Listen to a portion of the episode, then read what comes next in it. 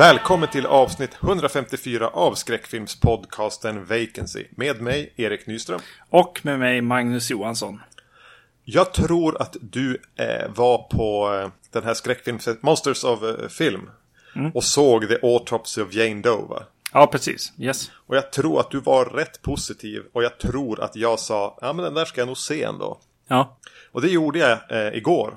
Ja, okej. Okay. Och jag tyckte den var rätt bra. Ja, det och jag, jag blev faktiskt, jag blev faktiskt lite rädd. Ja. Jag satt själv och såg den mörkt ute som det börjar bli. Eh, åtminstone första två tredjedelarna tycker jag är riktigt vassa. Mm, mm. Eh, Emil Hirsch och Brian Cox, jättebra samspel och lite udda med far-son dynamiken och sånt där. Mm. Lite Prince of Darkness va? Ja, just det. Ja. De, jag blev rädd på samma sätt som jag blev rädd när jag såg Prince of Darkness första gången. Mm, mm. Ja, det är ju en väldigt eh, väl liksom planerad film känns det som. När man ser ja. den. Eh, den. Den är genomtänkt på något sätt. Och äh, även skräcksekvenserna då såklart. Ja. Men det... Jag var nervös hela tiden. Ja. ja, det är väldigt annorlunda mot, vad heter den, Trolljägaren. Ja. Eh, så... ja han har ju någonting. Ja, definitivt. Yes. Den här norrmannen som vi inte vet vad han heter. Mm, mm. Nej, men det är en varm rekommendation från min sida. Ja. Och jag tror att det var det från dig också. Ja, det är det. Yes. Och nu ska jag pröva ett helt annat segment på podden som förmodligen aldrig återkommer. Och det var att jag kom hem alldeles nyss. Eh, och, och hittade ett, ett, paket på hallmattan får man väl säga. Eh, med en film Jag har ingen aning om vad det är. Så jag tänkte pröva eh, unboxing on podd. Ja. Det blir som när man beställer film, ibland på impuls eh, och ibland har man glömt vad det är. Eh, och ibland kan det gå länge innan leverans kommer. Men det verkar vara från Amazon i alla fall. Mm. Det har ju börjat förbokas en hel del på Amazon från oss båda tror jag. Ja, med, vi får se.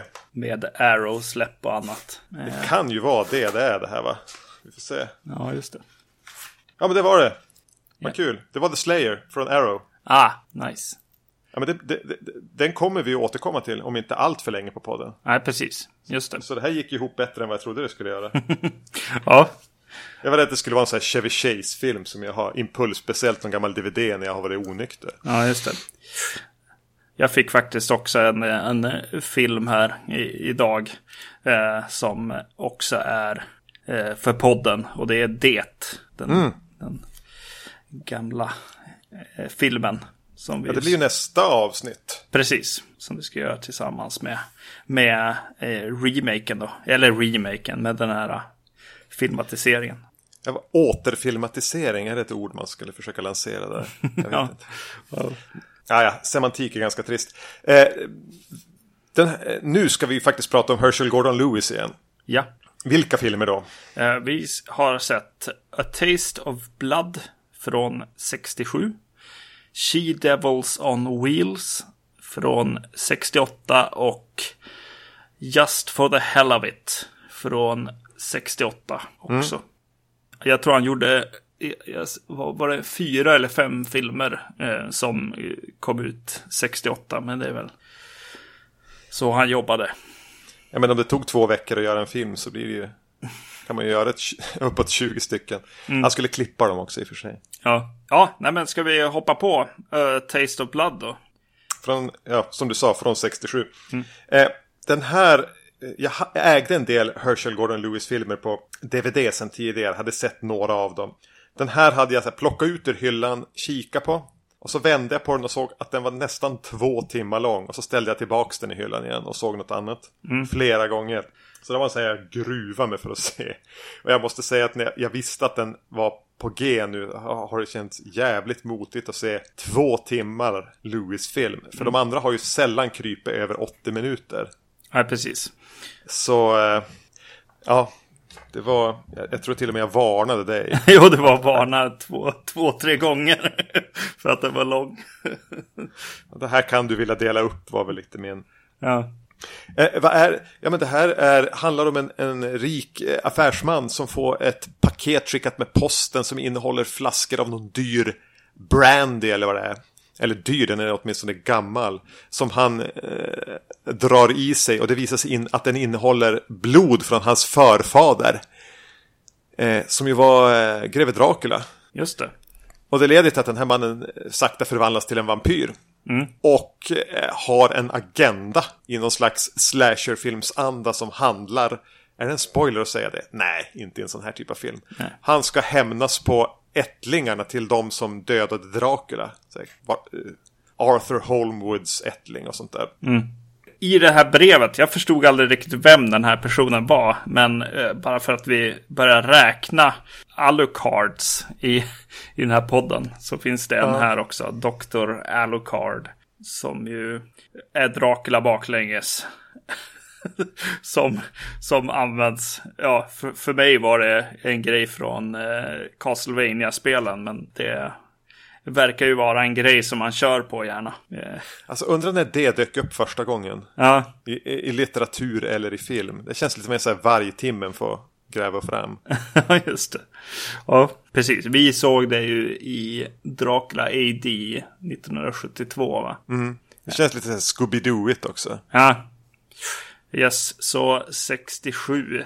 Så det här är tidigare än det i alla fall. Före, ha- före Hammer. Mm. Ja. Det här känns ju ganska snabbt, när, bara när man ser förtexterna, att eh, ambitionsnivån nog är något högre. För det är jättemånga namn. Ja, I de tidigare har det ju varit kanske max 10 skådisar. Men här är det flera titelskyltar med så två rader. Eh, så det kanske är närmare 30 namngivna eh, karaktärer. Nej, men det är i alla fall 30 credita- crediterade skådespelare. Och jag tycker redan när den drar igång så börjar den med, med den här affärsmannens sekreterare som går in på kontoret, eller sekreterare slash assistent. Eh, eh, och, och surrar lite grann med någon där och får veta att det finns ett paket och gå och hämta det och det klipps mycket mer än vad det brukar göra i en, i en Lewis-film och det känns lite mer genomtänkt. eh, Det känns lite mer som en, som en riktig film. en riktig produktion, ja.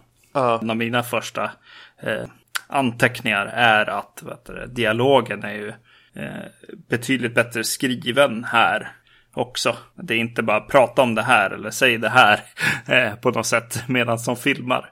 Eh, vi ska få ut den här andemeningen eller det här, den här informationen och så säger de bara det. Liksom. Utan här, här känns det som att de försöker bygga lite karaktärer och, eh, och eh, jargonger mellan karaktärer och sådär. För vi har ju faktiskt en som, som ska byta liksom eh, personlighet lite grann också genom filmen här. Eh, så det, det reagerade jag på. Och den var ju skriven av, av någon annan också. Eh, Ingen, ingen nämnd, ingen glömd. Han, han var inte krediterad på något annat än just den här filmen. Så jag vet inte om de hade... Ja, att det egentligen är ett manus som man har snubblat på eller hittat liksom. Och vill filma kanske.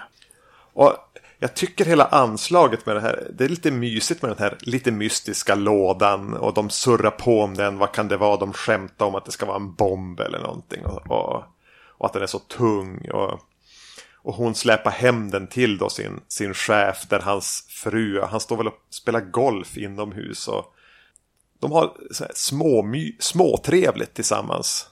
På ett sätt man är lite ovan i, i hans filmer. Att, att som du säger, man bygger lite karaktär genom dialogen. Och den här affärsmannen blir ändå lite likable. Ja, I att han är...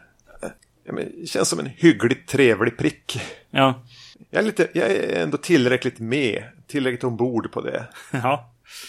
Och att det är så här klipp och grejer. Det brukar det inte vara i hans filmer. Det brukar vara en kamera som är uppställd och så får den panorera lite i sidled och sånt för att visa annat. Den går bara in för klipp och närbilder när det ska eh, huggas i, i människor.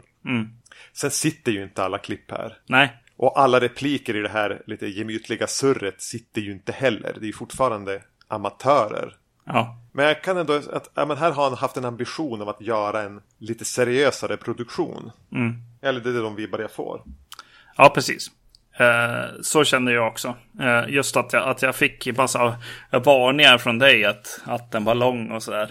Eh, alltså, den fick vara det. Särskilt i början här känns det som.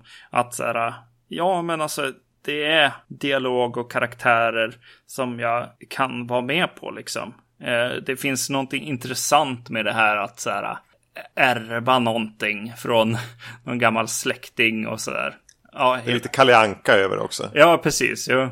Och jag börjar tänka på så här, ja men här är någon rik, rik person som har, har en business här som, som blomstrar och så sen så ärver han något, någon förmögenhet i princip och några gods och grejer i London och då blir jag, eller utanför London och då blir jag lite nyfiken på vart filmen är på väg eh, också. Mm. Ska, de, ska de lämna det här och eh, åka dit eller hur ska det bli liksom?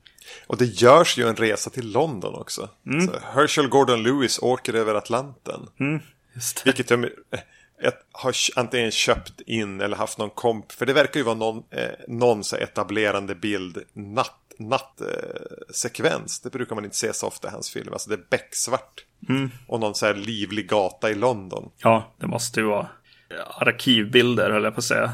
Ja, som han stulit förmodligen. eh, men ändå, man blir lite, ja men oj, du, du höjer din ambitionsnivå lite grann. Ja. Och går utanför komfortzonen här. Sen i övrigt när det sen då den här, eh, han som har rest, affärsmannen som har rest till London interagerar med karaktärer så har de ju uppenbarligen inte lämnat Florida. när han spelar in allt. Eh, det är ju Herschel Gordon Lewis själv som spelar den här. Eh, han är krediterad som The Limey, Limey Seaman. en, en, en saltgosse. Ja, precis. Hello, governor. ja, alltså. han kör hela grejen liksom. Alla klichéridna eh, brittiska uttryck får han så här, klämma in på sina... oh. Och han står som bara häng vid en reling och pratar med eh, huvudkaraktären. Och och ska som ensamt ansvarig för att få oss att tro att det här är England. Ja, precis. ja, det blir så roligt på något sätt. Just hans karaktär är ju lite mer glimten i ögat eh, personen. Eh, och eh, någonting som slog mig var att eh, Herschel Gordon Lewis eh, är ganska har vissa likheter med Sid Haig. Tyckte jag.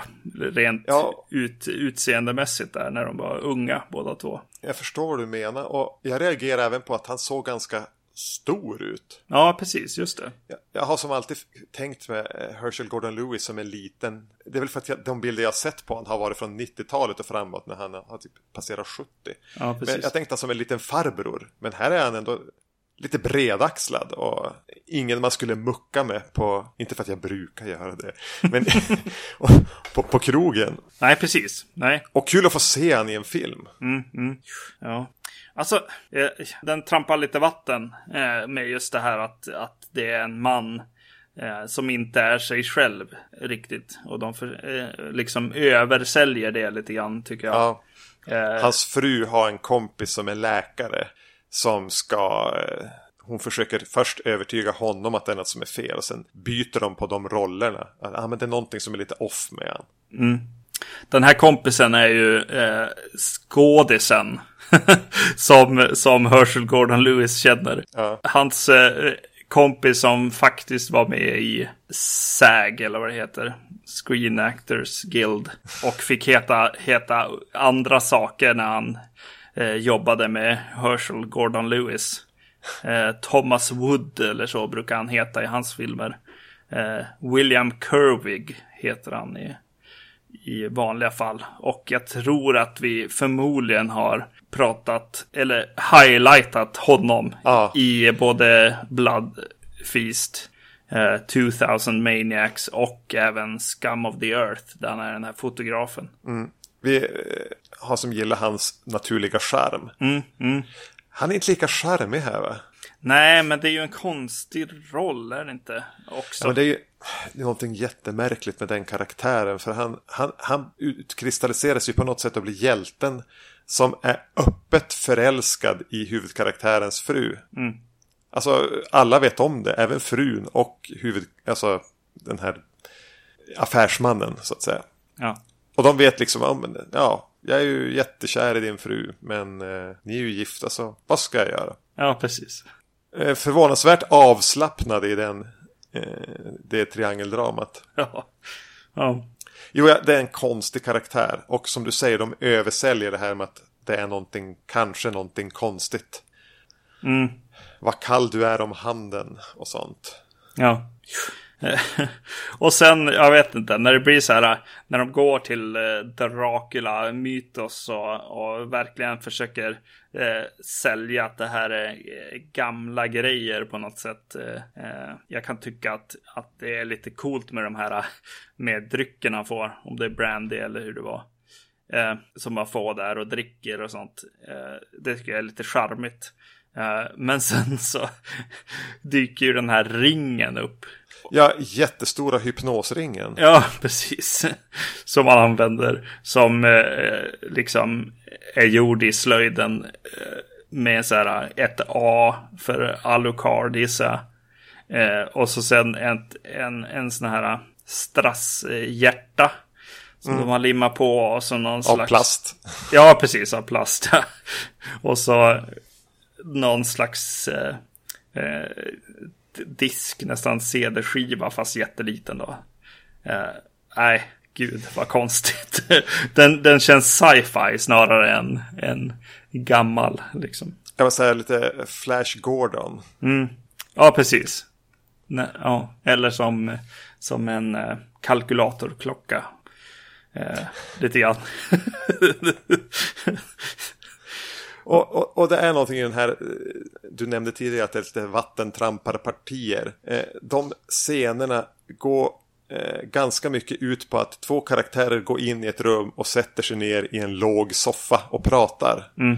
Jag tror aldrig jag har sett en film som tillbringar, så mycket speltid läggs på att två karaktärer sitter bredvid varandra i en soffa och pratar. Mm. Det känns inte liksom så här optimalt utnyttjande av ett visuellt medium. Och så hänger det ofta typ en gardin bakom dem. Alltså de sitter i en soffa ställd mot en vägg eller mot ett draperi. Mm.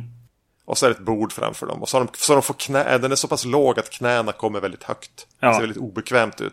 Där börjar liksom den här eh, att de inte har någonting att klippa till. Dyker upp där. Att ibland så mm. klipper de till just så pass samma vinkel igen medan de pratar liksom. Vilket ju eh, ja, blir väldigt amatörmässigt med tanke på att den är nästan en vanlig film. ja. För den är ju många olika, alltså det är många olika soffor vi får se. Ja. Alltså det, det är säkert ett, ett, fem olika soffor de sitter och surrar i. Mm. Så det, det, är ju ett, ett, steg framåt för att vara, för att vara Lewis. Mm. Men mellan de här soffpratarscenerna så får vi följa eh, hur den här på nytt födda Draculan ska hämnas. Och jag tycker ändå att en del av attackerna han gör, eh, morden om vi då ska kalla det, prata slasher-terminologi, mm.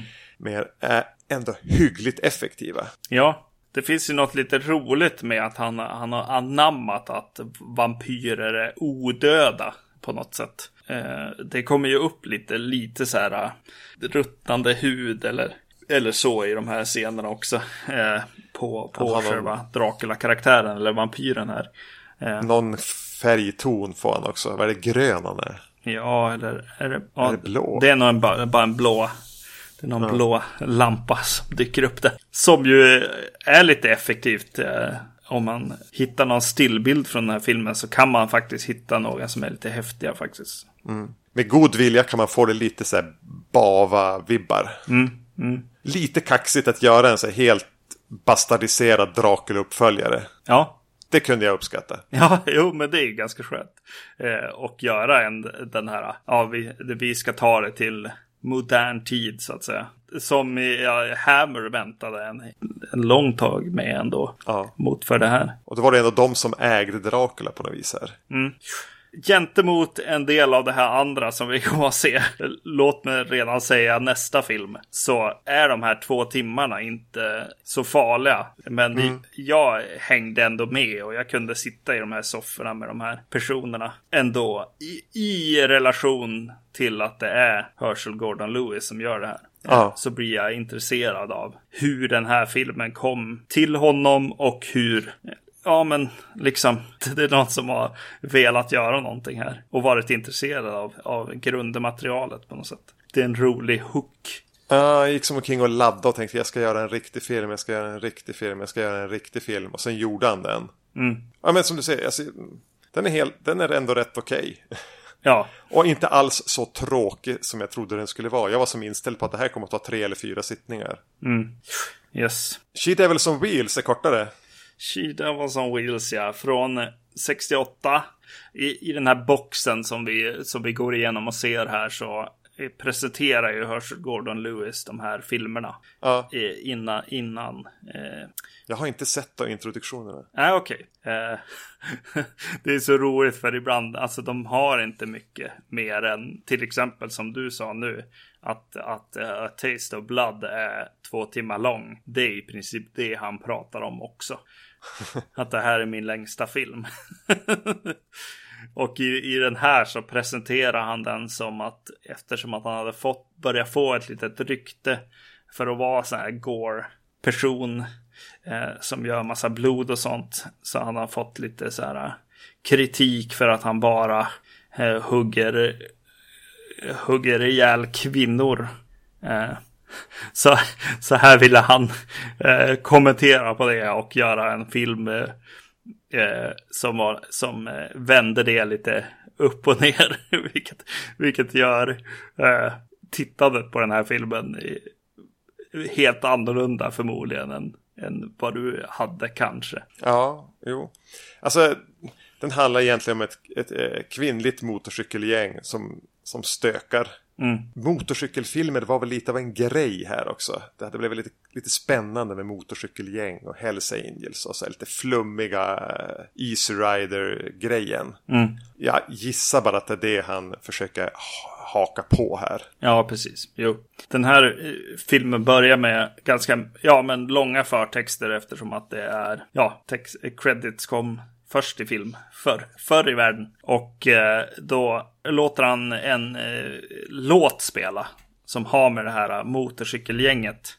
Eh, vi kommer väl in på vad de håller på med sådär. Så, som handlar lite grann om motorcykelgänget. Och det enda jag tänkte på var att det var så här, vi kallar det för Skrubbenband eh, när vi var små. Det var, eh, var våran fritidsgård i Skellefteå när vi var unga. små. Mm. Men eh, just så här ungdomligt garageband som sjunger så här. Ja, men vi har skrivit en text till det här, de här eh, riffen och så vet det, sjungs de lite så här trött. Man blir lite, det är lite pinsamt att sjunga. Ja, och man måste foka lite för mycket på att ta ackorden. Ja, precis. Jo. och det är precis vad den här låten är. Den är så jäkla trött sjungen den här. och dåligt mixad också. Men ja, jag vet inte. Jag tycker att det är häftigt i och för sig den här frysbilden på en, en kvinna som tar ut sin eh, motorcykel och ska åka iväg. Eh, mm. Men låten alltså. Och den kommer ju tillbaka också i filmen. Ett återkommande grepp i She Devils on Wheels är att en så här snurrande grej. Mm. Till ljudet av en, av en så gasande motorcykel. Alltså det är som en bild på någon som sitter på en motorcykel. Alltså en eh, handmålad bild. Och sen börjar den där snurra. Ja. Och det där är med i början. Och sen kommer det då och då mellan scener. Eh, kanske att det ska stå för tidshopp eller för förflyttning. Eller ibland känns det lite slumpmässigt. Jag tänkte lite på så här Batman-serien. Ja, just det. Där de bara har så här Batman-logga. Som är på hjulen på The Batmobile som snurrar. Mm. Men förstod du vad det var som snurrade? Som, varför det snurrade eller? Ja, varför snurrade den här grejen? Alltså är det... Jag vet inte. Nej, det är en fråga liksom. Det är ingen retorisk fråga. Jag har ingen aning. vad, vad, vad det betyder eller varför bara? Nej, men skulle det vara så här mitten på en eh, LP-skiva som snurrar eller? Ja, det tror jag att det, det har med liksom rock'n'roll-attityden också. Man ska ja. tänka på att en skiva som snurrar. Men eh, sen funktionen blir ju som sagt att man bara ska tänka att de är ute och röjer eller är eh, reser eller som sagt tiden går. Vad gör de under tiden? Då, då, då är det bara eh, kvinnor på MC liksom. Eh, och så får man, får man själv fylla i vad som händer mellan scenerna där. För um, mm, det är ett kvinnligt motorcykelgäng som kallar sig för The Man-Eaters. Mm. Och de har så här små, små jättefärgglada eh, västar på Ja. sig. Utanpå sina vanliga kläder. Ja, men de är orangea eller gula eller knallblå. Mm. Och vad är det för loggar de har? Det är någon... Det är en rosa katt va? Eller? Ja, På den ryggen. ser lite, li, lite ilsken ut. Mm. Och så kör de runt och racear lite grann och, och sådär. Hela deras klubb verkar ju gå ut på att eh, ligga med män också. Och, Ja. eh, och utnyttja män egentligen sexuellt. Eh, att, De har som ett gäng groupies där de. Precis, så då tävlar de med varandra och så den som vinner får eh, välja kar först liksom i, i kvällens orgie på något sätt. Ja, Eh, vilket ju känns som exploitation deluxe på något sätt. Eh, när de skulle kunna bara åka runt och röja och försöka liksom, ja, göra motorcykelgängsgrejer. Eh, mer kanske. det är lite för dyrt tror jag. Ja, just det. Ja. Att, att köra för mycket på Mm. vägarna i, i Florida. Ja. Eh, ja, alltså. jag, jag, jag blir lätt, eller den tappar mig ganska eh, fort den här liksom. Just att allting handlar om män och att den är gjord av en man som försöker vända på steken lite grann här. och så blir det så väldigt, väldigt eh, fel, känner jag hade det här MC-gänget varit män så hade inte de bara raceat om kvällens kvinna liksom. Utan de hade väl varit och eh, röjt, röjt runt och snott pengar och bråkat med alla andra MC-gäng och sånt där. Vad de nu gör. Tagit lite droger och blivit varulvar och grejer. Jag vet inte. Ja, det är sånt de brukar göra. Ja, Eh, Det är min eh, erfarenhet av att titta på dem på film i alla fall. ja, Nej, den biten är ju lite tråkig. mm. Jag hade hellre sett dem köra runt bara. ja precis. Eh, Det, det, är- det är några så här, när de kör, det kommer några så här, när de bara glider runt på, på vägarna. Så kommer då en och kör upp mot kameran som står på typ flaket på någon pickup. Och så måste de ju hela tiden, och sen ska den, så då kör den om kamerabilen. Så den så här sväng, typ i princip blinkar, svänger ut och kör om. Så Ja. kör nästa upp och får köra i bild ett tag. Svänger ut. Alltså det, om man ska ha en kamera placerad inne i ett här, motorcykelgäng så ska de inte behöva köra om kameran. Eller? Nej, precis. Men de vinkar ju åt kameran och sånt, så det blir väl kanske någon sub eh, halvsubjektiv ändå. Ja. Eh, bild kanske i slutändan, eh, får, man, får man tänka då. Men ja, Jag tycker gänget här är lite roligt. Alltså de har lite karaktär. Eller framförallt är namnen på dem bra. ja, Whitey och Queen och Supergirl Russian eller vad någon heter. ja, Så de, de är ju lite, lite designade. Några av dem. ja, Eh, Och tydligen spelades ju majoriteten av gänget av bikers. ja, Och de har lite häftiga kläder. Den är ju lite kitschig sådär. Både med de här västarna och färgerna och 60-talskläder. Och, så, så att den är just estetiskt tycker jag den är li- lite trivsam att titta på. ja, Och vad heter hon den här? Honeypot. just det. Som är, som är så här, tonåringen som är som, vad heter det? Prospect. Ja, Hon ska visa sig värdig och vara med i gänget. Hon har någon liten, de kallar det för en liten symaskin hon kör runt på. ja, Ett- Jag kan tycka det är lite kul att de har med sig, som hon är nästan en maskot. ja. Men, men- jag hade velat att den skulle vara flummigare va? Ja, precis. Ja, det skulle man ju vilja. Och att det händer mer, mer olika saker. Det känns som den, den går i cirklar lite grann.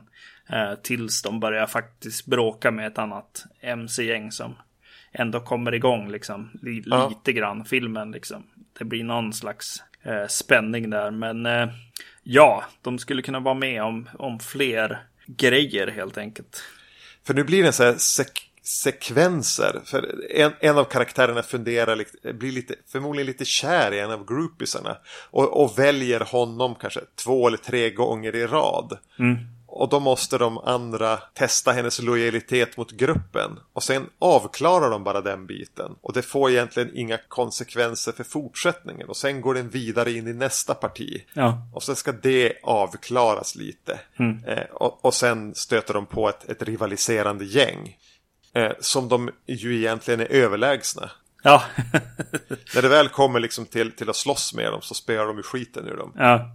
Eh, Det är ju nice vissa av de här grejerna. Jag gillar ju också att det är så här Goody Two Shoes mannen som kommer in eh, Ja. som, som en av kvinnorna. Eh, hon som är, alltså, är så här på gränsen. Ska jag vara kvar i de här Maneaters eh, gänget eller, eller så. Och hon har ett, eh, ett förflutet med en karl då som, som dyker upp här där han, där han har lite information om att det kommer eh, ett annat gäng då och ska, ska eh, döda folk. Så han tycker jag är härligt castad på något sätt. För han är ju verkligen Han ser ut som Acke. Precis. Ja, nej, det är roligt att, att, att de fick dit en, en så pass här, clean cut eh, eh, karl där liksom. Eh, I den rollen på något sätt. Det är bra casting där. Eh, ja, nej, alltså ja, den här filmen tappar mig ganska, ganska fort ändå. Alltså det är just den där scenen när de kör, alltså scenen bara när de kör längs vägen som är liksom det intressanta och kanske så här idéerna om vad hon måste göra för att bevisa att hon är liksom med i gänget och sånt. Ja. Men utförandet av det är inte riktigt där, eh, kan jag inte tycka. Jag kunde vara lite road av kitschnivån. Av att, alltså, mm, både karaktärerna med, att det är någon som skriver små, lite poetry slam. Och eh, har vita kläder och att de är li- lite av att de är, eh, får vara seriefigurer. Och det här kitschiga, hur de ser ut när de kör runt. När de stökar lite. De skulle ha fått stöka mycket mer bara. Ja, Det blir ju lite tunt till 80 minuter. Ja, jag börjar eh, känna lite grann att man ska sitta i en bil och hångla ibland också. eh, Ja. I den här filmen och komma tillbaks till den lite då och då. För, för som du säger, det är ju mycket av det här kitsch-grejen och, och eh, när de är lite skrikiga och, och tuffa på något sätt. På ett väldigt kitschigt sätt. Det är då den är lite kul liksom. Du skulle kunna ha den här filmen bara på repeat under en fest också. Som Ja, ett- Som, precis. en- som, som en del i festen. Mm, mm, Titta på då och då.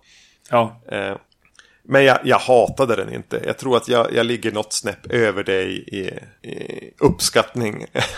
jag, jag kunde bara hänga kvar där. mm, mm. Men jag såg den uppdelad också. Ja, okej. Jag var tvungen att pausa den. Ja, jag skulle se nästa film efter den. Ja, ja. Det var bara... Bara bita ihop. Ja. Yes. Ja, vi kan väl gå till nästa film va? Ja, precis. Just for the hell of it. Eh, från 68. En film som eh, tydligt är gjord i sviterna av eh, She Devils on Wheels. För man eh, känner igen en hel del människor från den filmen som dyker upp i den här också. Ja, alltså det, det är ju verkligen en, en eh, så här, midnight movie double feature. Du skulle kunna spela de här två, sätt in dem i samma loop. Mm. Det känns lite som en film som vill förfasas över ungdomsvåld eh, och frossa i det på samma gång. Ja, Den följer ett, ett gäng eh, våldsbenägna ligister i någon liten småstad som far runt och trakasserar omgivningen. De kommer på kollisionskurs med en avhoppad tidigare medlem va? så är det nog ja. Ja, spelad av han du gillade i förra filmen, Acke här. Ja, Goody Two Shoes. Ja, som, som, ställer, som konfronterar dem. Eh, Står upp mot dem kanske man snarare ska säga. Vilket leder till lite skärmytslingar. Precis, han är, han är på en eh, dejt med, med sin tjej. Eh, det är väl deras kollision då. Hon, hon får möta hans förflutna på något sätt. Eh, Medan han försöker göra upp med det. Filmen med de förlängda scenerna har jag, heter det här egentligen i mina anteckningar. Ja, just det. För Alla scener är jättelånga för att det ska bli en film. Ja, alltså den här hookar ju mig eh, mycket mer direkt in på. För det, jag tycker att det är en, en ganska snygg eller kul inledning med eh, den här eh, En fest eller? festen ja. Eh, där det går omkring folk som är lite ja, målade i ansiktet och sånt. Man funderar på vad det, vad det är för, för fest här. Och så helt plötsligt så spårar den ur och de, de slår sönder en lägenhet eller ett hus här egentligen. All inredning i den. Jag tänkte att du skulle gilla det. Ja, ja. det gjorde jag. Ja, det är lite eh, rockmusik till. Ja, precis.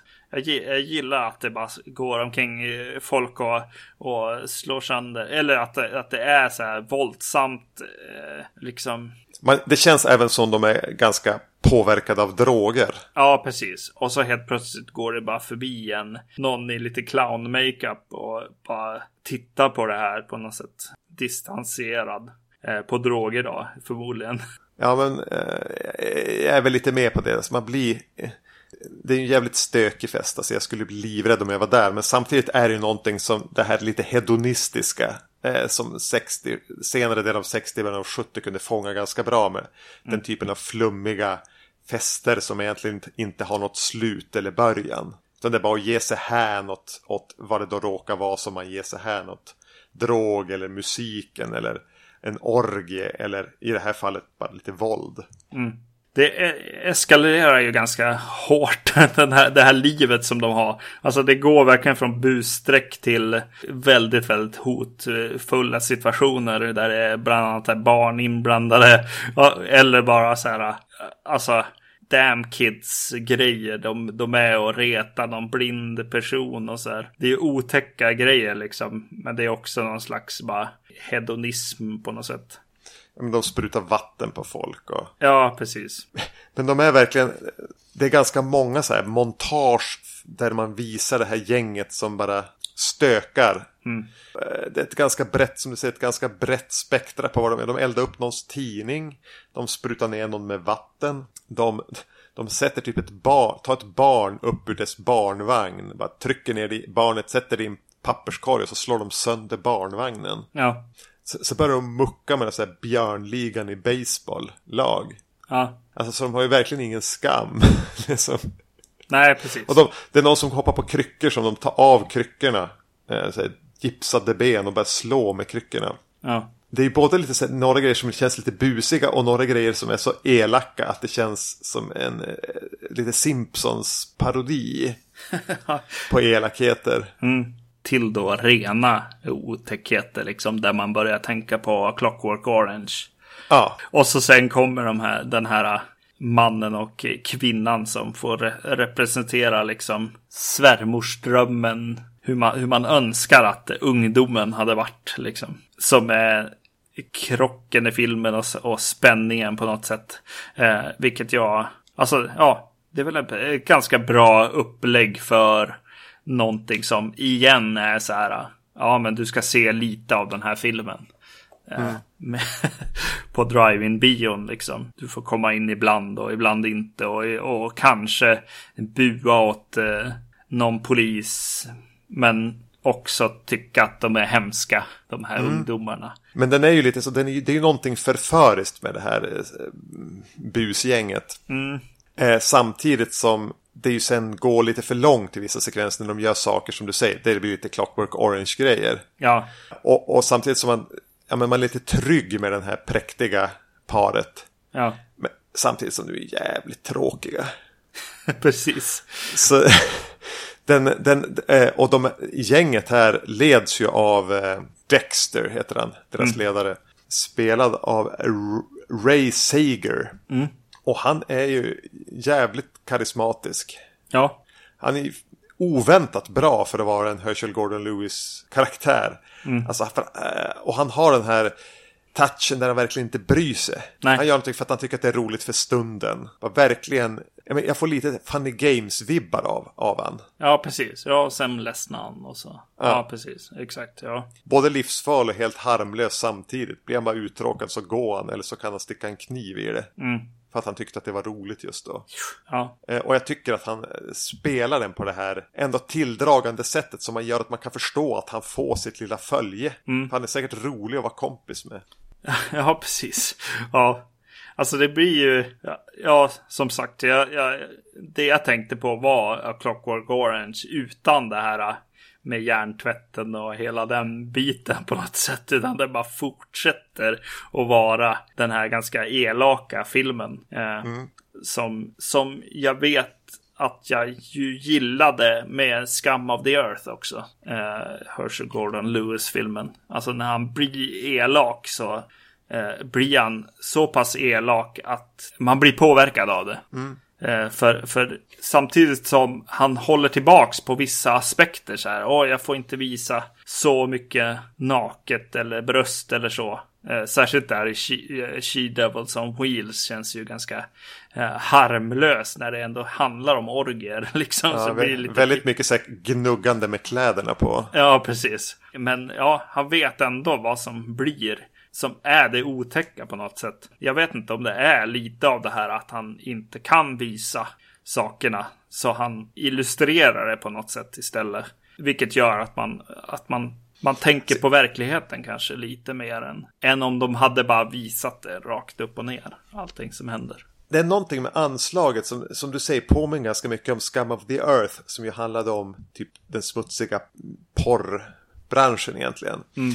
Där man får en känsla av att han lika mycket vill förfasas och visa på någonting som är fruktansvärt och vara lite upprörd över det. Samtidigt som han, inte, som han liksom har stånd mm. över hur häftigt det är. Ja. Och det är lite samma sak här. Alltså, visst är det fruktansvärt med det här våldet. alltså, alltså det, det, är en person som har gjort det med så blandade känslor. Ja att det blir någon spänning i det. Ja, det blir precis. Jag vill visa hur avskyvärt våldet är och coolt. Mm. Jag säger två saker samtidigt. Precis. Ja, nej, jag blir, jag blir lite påverkad av, av just hans sådana här filmer på något sätt. Som Scum of the Earth och den här. Mm.